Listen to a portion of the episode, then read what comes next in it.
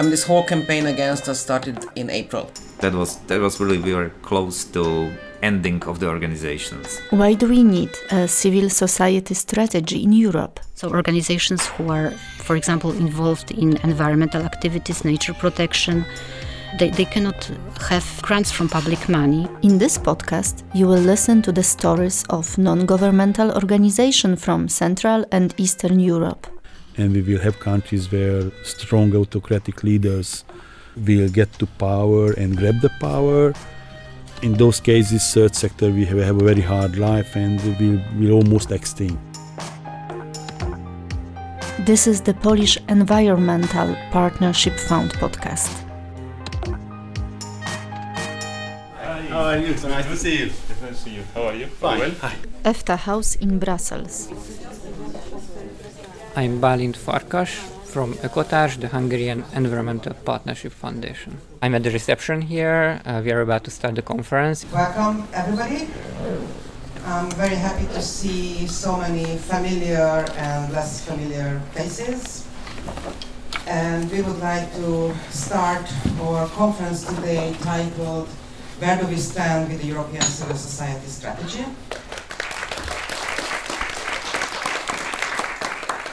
The conference is one of the last activities of the project, which was carried out in eight countries of Central and Eastern Europe and Norway.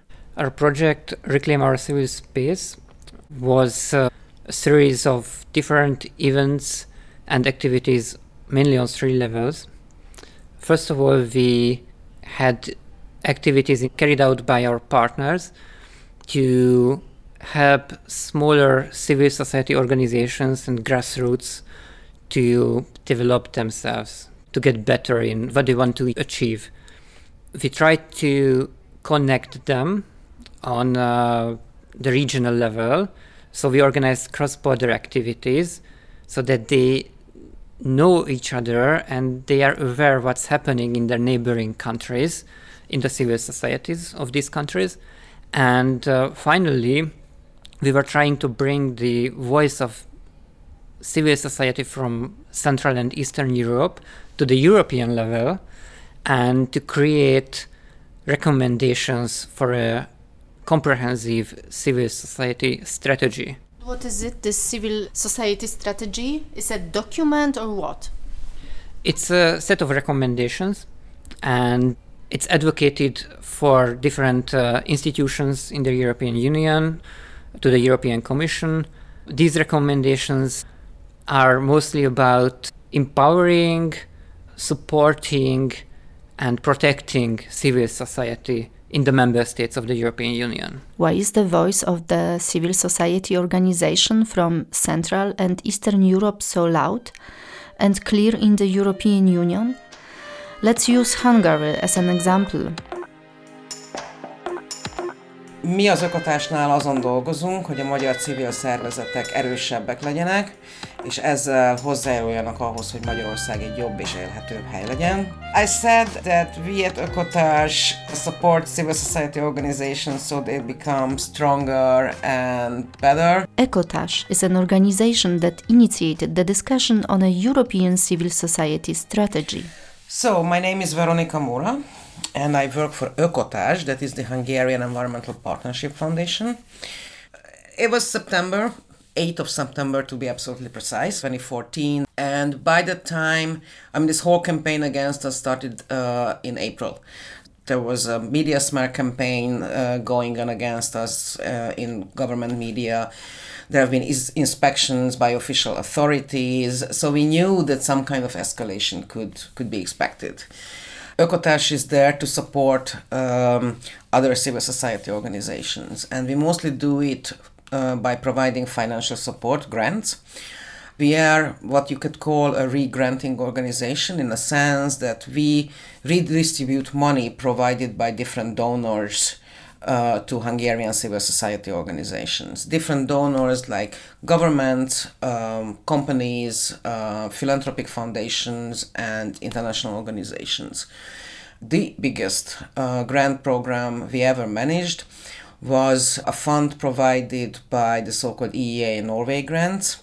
This is support provided by Norway, Iceland, and Liechtenstein to Central European and less developed EU countries.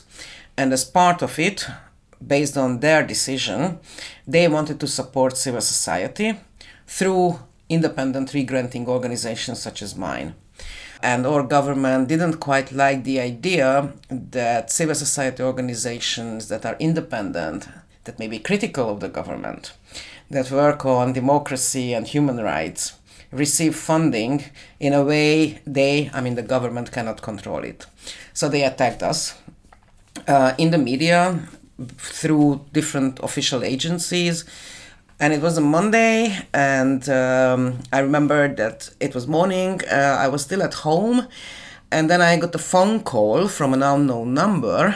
And on the other end, there was a police colonel, and she asked me that they are in my office. Where I am? Where am I? And I said I'm at home, um, and uh, that they. Um, have uh, an order to search the premises. And um, it was lucky because they went there very early. We don't go there that very early. So I had the chance to phone our lawyer. So I went to the office. Um, there were like 30 policemen. So they went through all the papers, they selected quite a number of papers, mostly related to the grantees, the grants that we provide, and the organizations that we support in. They also confiscated laptops and computers. We had to sit around, we weren't allowed to use our phones. But um, there were some uh, colleagues who did not work from the office, and we could notify them as well. And she could notify the media. So by noon, journalists camped outside the building uh, where our offices are and later also the news got out and then a small spontaneous uh, demonstration took place in front of the building by the time uh, they finished it was like four o'clock in the afternoon and then they went to my home with me because i left my laptop at home and they wanted to confiscate my laptop as well I came in from the building surrounded by policemen, and there was the media, you know, the flashes, and people were shouting, and, and it was it was quite a crazy uh, sight. And then they went home with me. They took my laptop, and yeah, and eventually um, nothing came out of it in the sense that. Uh, uh, first, the court declared that it was an illegal search because they didn't have the, the uh, suspicion to do that and later on, a year later, we were cleared of any um, accusations because we knew uh, that we conducted everything legally because um, the accusation was that we mismanaged and defrauded uh, the funds, which wasn't the case. It was really surreal. I mean, how did I feel? Of course, I was very tense um, I was nervous, but at the same time, it really did have a kind of surreal uh, feeling uh, to it, as if, as if it's not happening. Like.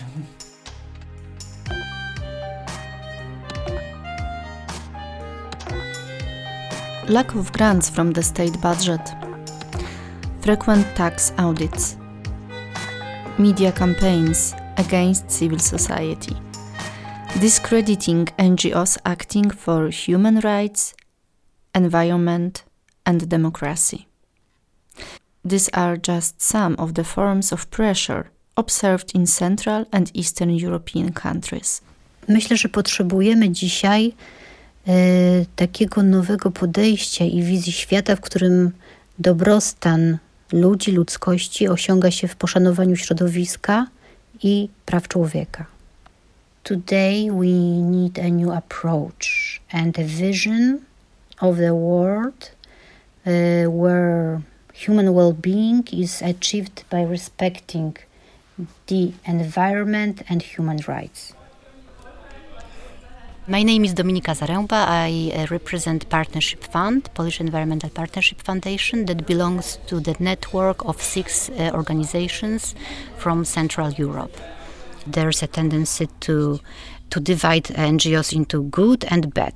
So those bad are those who criticize, for example, politicians, their work, and this was always role of the NGOs to criticize the the public work, the, the work of the politicians or the public officers. So the, there's a division into those good and those bad, and also Polish NGO sector was always very diverse. So the, the NGOs were tackling with very many different issues and themes, and now there are some kind of themes or issues who are somehow not granted, like uh, rights of minorities, all these refugees uh, issues, environmental issues as well. It's it's horrible that now the environment is in the public debate. The climate change is obvious, so we cannot say that we, we, we don't have it. But the problem is that you know these issues are somehow politically incorrect for some people. So organizations who are, for example, involved in environmental activities, nature protection, climate protection, they, they cannot uh, have grants from public money because this topic or issue is not so so crucial or important for some kind of politicians and, and, and so on. NGOs from Central and Eastern Europe emphasize the importance of grants from Iceland, Liechtenstein, and Norway, made available as part of EEA and Norway Grants Fund for regional cooperation. Let's return to the conference in Brussels, which took place in October 2023. Uh, we would like to start with welcoming notes on the side of the host and the donor. So without any further ado, I would like to ask Tori Hoven. Uh, she represents the Financial Mechanism Office here. You have fostered cross-border networking among these local organizations, creating opportunities and collaboration and the exchange of ideas. Your efforts have brought the voices and concerns of civil society organizations to the forefront of EU institutions here in Brussels, bridging the gap between local actors and EU policymakers.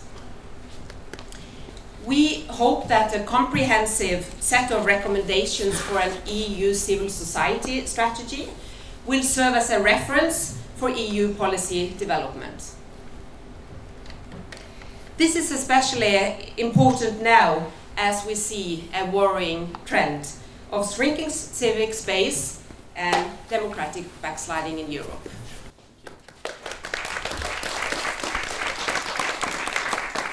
At the same time, grantees of large international grants may have problems in their own home countries. This happened, for example, in Hungary and on a smaller scale a few years ago in Slovakia. Peter Medved from Ekopolis Foundation in Slovakia. Spoločnosť má problémy, ktoré nie sú len slovenské. Máme klimatickú krízu, rizika, ktoré vyplývajú z technologickej revolúcie. Týmto veciam sa chceme a budeme venovať bez ohľadu na to, kto bude vo vláde, ale to sú pre nás kľúčové veci preto, aby sme zanechali spoločnosť pre tých, čo prídu po nás lepšiu.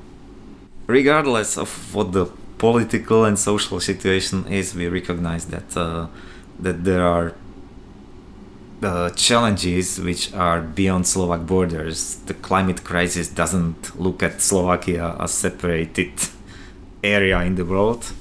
We are facing dramatic impact of technological destruction. We want to be part of, of addressing those just to leave the peace of the earth a better place for those who come after us. We are now operator for the third period, the Norwegian funds. And the first period was under supervision of Slovak state. And we were very much looking forward that cooperation because for us it was uh, thinking that Slovak state, Slovak public administration will learn how to work with NGOs together to support this part of the society, which is important for doing good. So we were very lucky that we have the funding program and we cooperate with the office of the government and it will be a partnering uh, relationships where when we listen to them and they listen to us and that turned very terrible that was that was really we were close to ending of the organizations because at the beginning when we modulated the program we tried to like have our say how it should be done. They were completely on the other side with the thinking and with the, some acceptance of anybody's else talking how and what should we be doing. They became very hostile. We at that time supported some maybe 20 plus projects, uh, environmental area, and one of those projects included the reconstruction of the building far away in the countryside to the model ecological center. And uh, within this project, we, as an intermediary, didn't check if they have the construction permission to do that. We controlled the, the expenses, etc., but we didn't check if there is this permission from the municipality. And they found out the, the supreme office of the government. Uh, we said, okay, we found out that. We asked immediately this organization to provide it. It's possible to do that. Like you elaborate a project, you go to construction office, and they give you a permission. But they made it a huge like scandal how unreliable we are. They basically wanted to close our program because of this administrative mistake, which was in place. Uh, we do not object it. We did immediate steps to to put it right. Uh, but based on that, they said that we failed our program, and uh, the whole program of was stopped for maybe a year. Whole funding, all projects, they run after us uh, to cancel the, the contract. Why did the state do it? Well, here we are going getting to the core. Maybe it's a symptomatic example how significant part of public administration perceives the the non-profit sector. It's simply it, it's a mental barrier which considers this sector as useless uh, burden, uh, doing nothing, just consuming some money.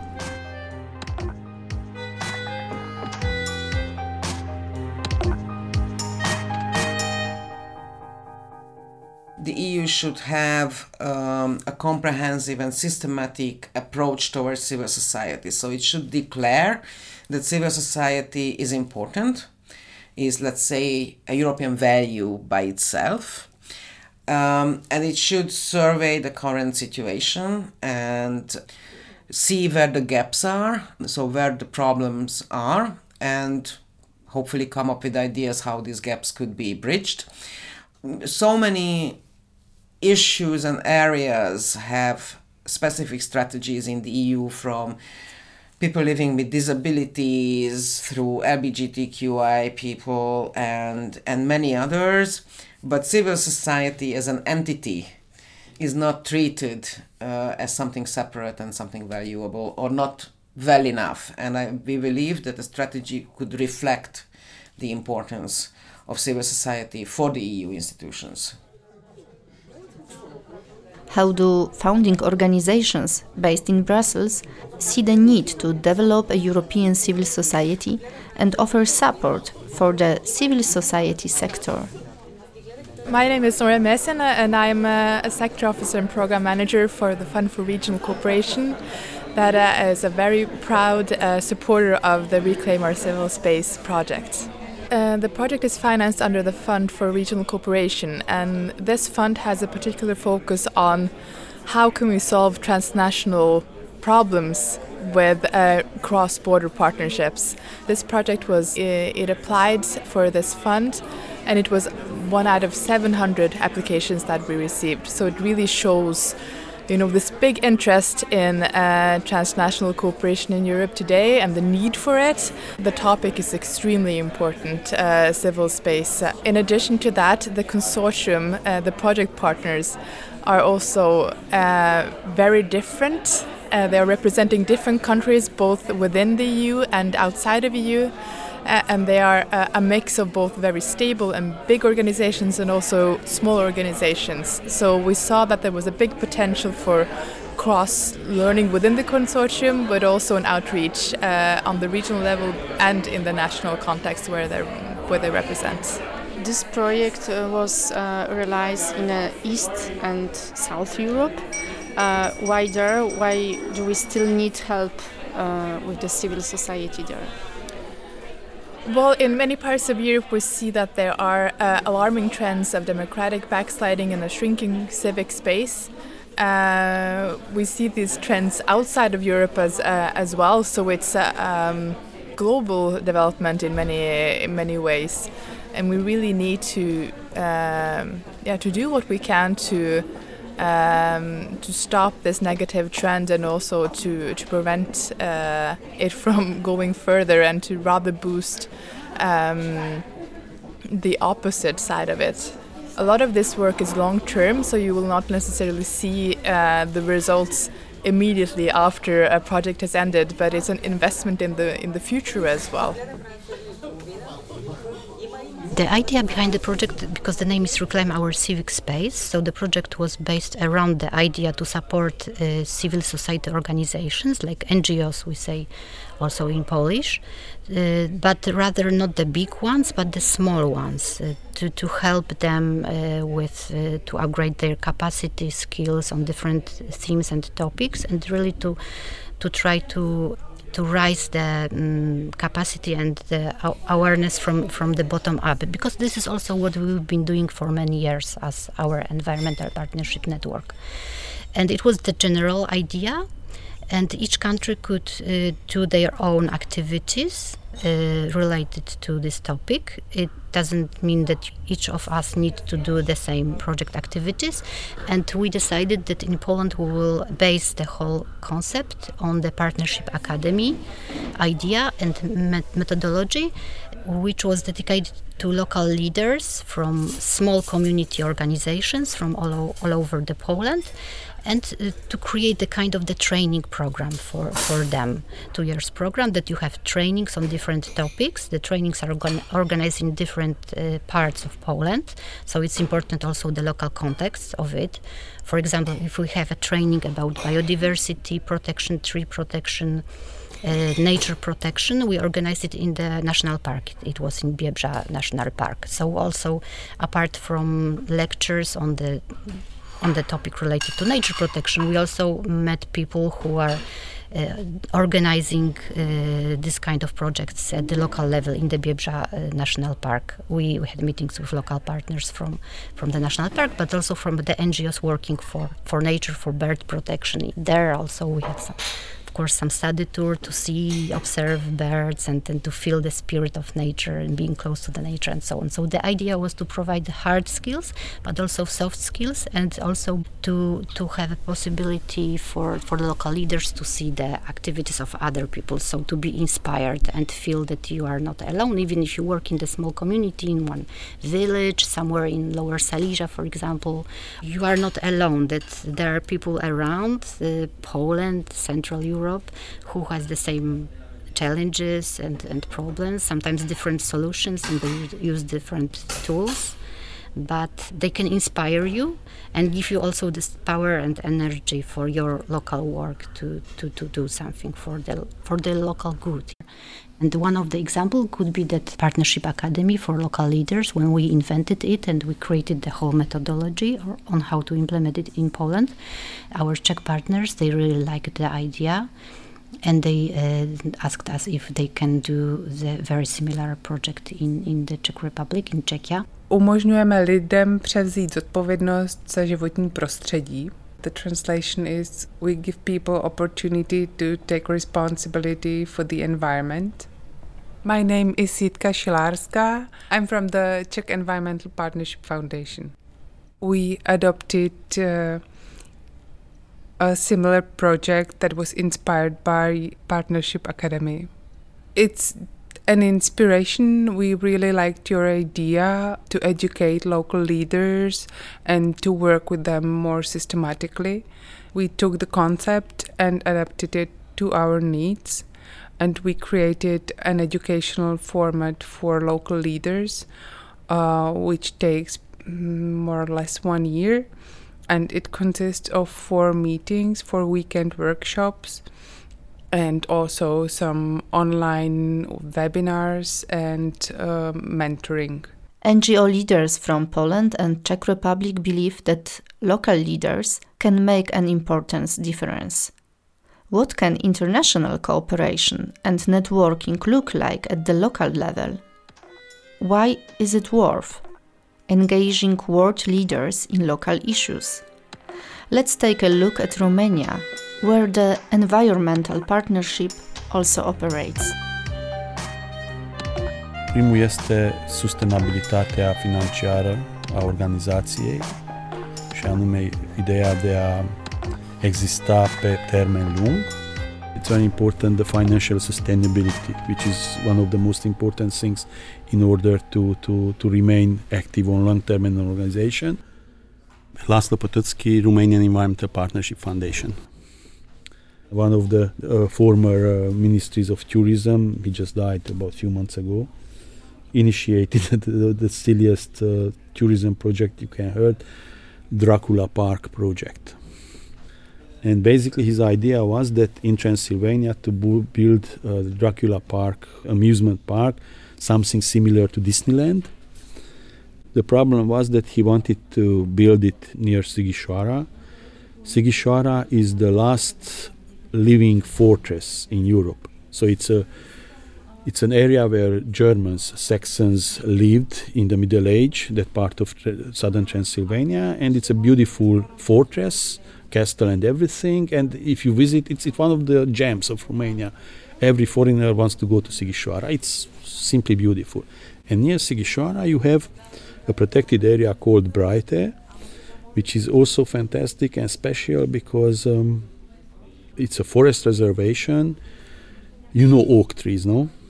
and it has 800 900 year oak trees and uh, this guy initially decided to have this dracula park in the protected area so of course we we didn't want to have that and locals local organizations initiated the whole campaign we supported it and uh, finally we we we ended it in a very simple solution which came to from me now King Charles, former Prince Charles, he's very much in love with Transylvania. He's coming each year to Transylvania. He was used to come every year three, four times. And I said, hey guys, let's call the prince. He's so much in fun with Transylvania. And three weeks later, he was there and publicly stated it that uh, it would be a pity to have such a project in such a valuable area it's funny because the former minister said that this project will happen if I have to get through zillions of bodies. Even if I die, this project will happen. And it didn't happen. You have still very big impact on the political decision. no, no, no. We don't have too big impact. It was then. Now it's it's less. It's not not not not not, not, not that big impact as we would like to see if we will have uh, countries where the autocratic approach of the government of decision makers will prevail and we will have countries where uh, strong autocratic leaders will get to power and grab the power in those cases third sector we have, have a very hard life and will will will almost extinct take a look on turkey under erdogan it's very difficult to have a fl- flourishing third sector take a look on Russia. Every organization who is defending human rights, LGBTQ rights, whatever, now even it's a law which is saying that you can you are considered foreign agent.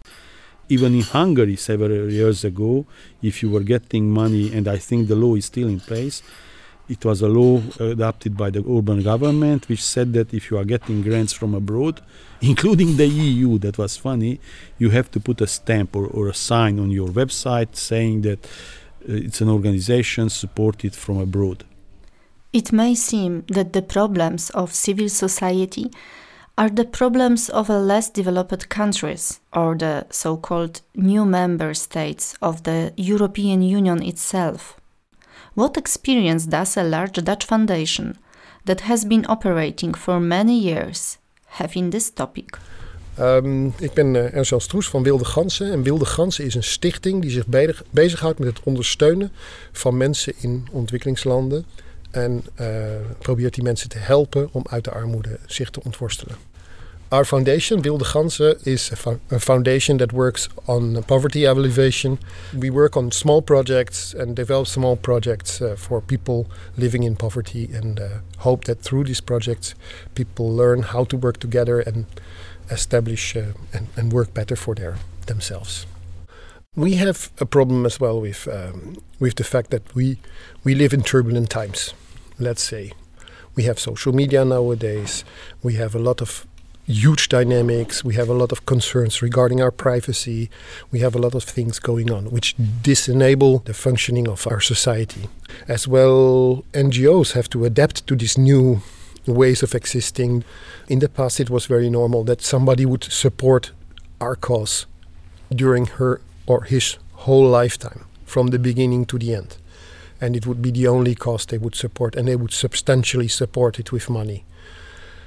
Where nowadays it's like younger people they are they are like watching TV they they zap from one foundation to another they change their options all the time they are not consistent so consistent anymore in long-term relation with the foundations they work with.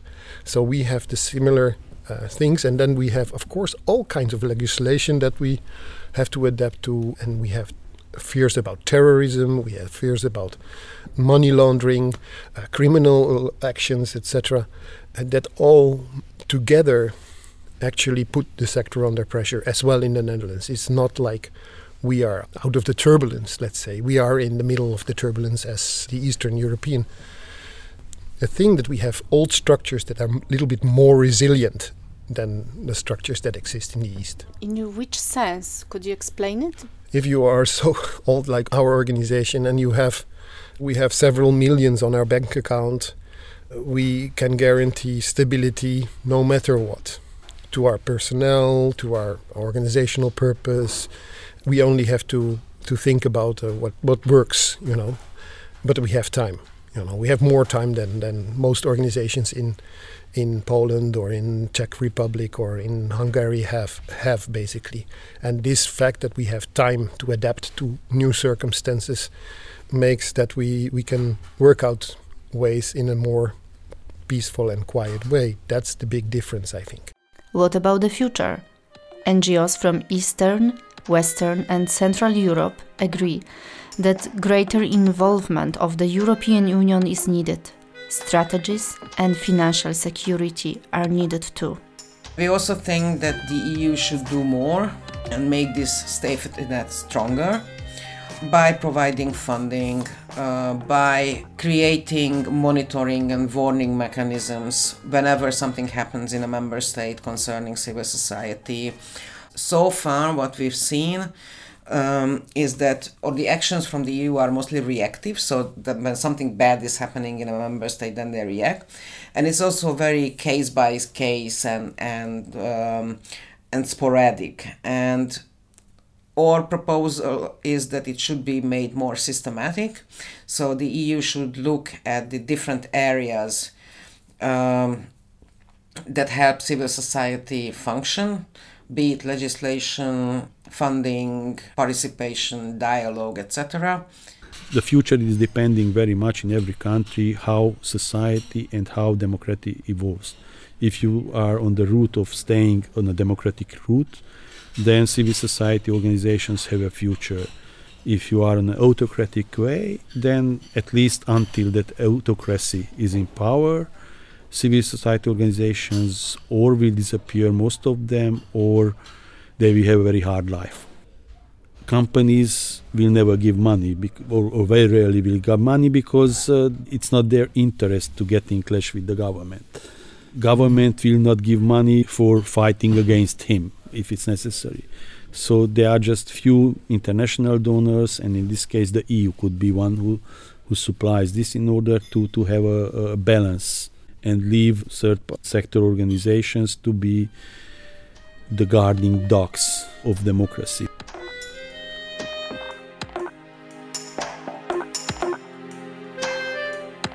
You have listened to the Polish Environmental Partnership Fund podcast.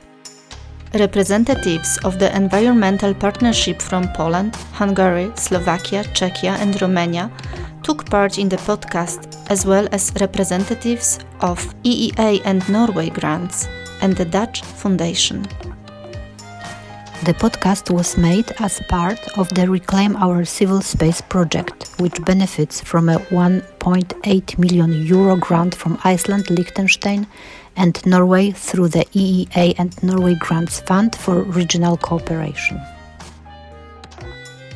The podcast was produced by the Polish Creative Enterprise, Torba Reportera i Podcastera, created by Katarzyna Błaszczyk and Hanna Bogoryja Zakrzewska. Music in the podcast Piotr Lekwaj.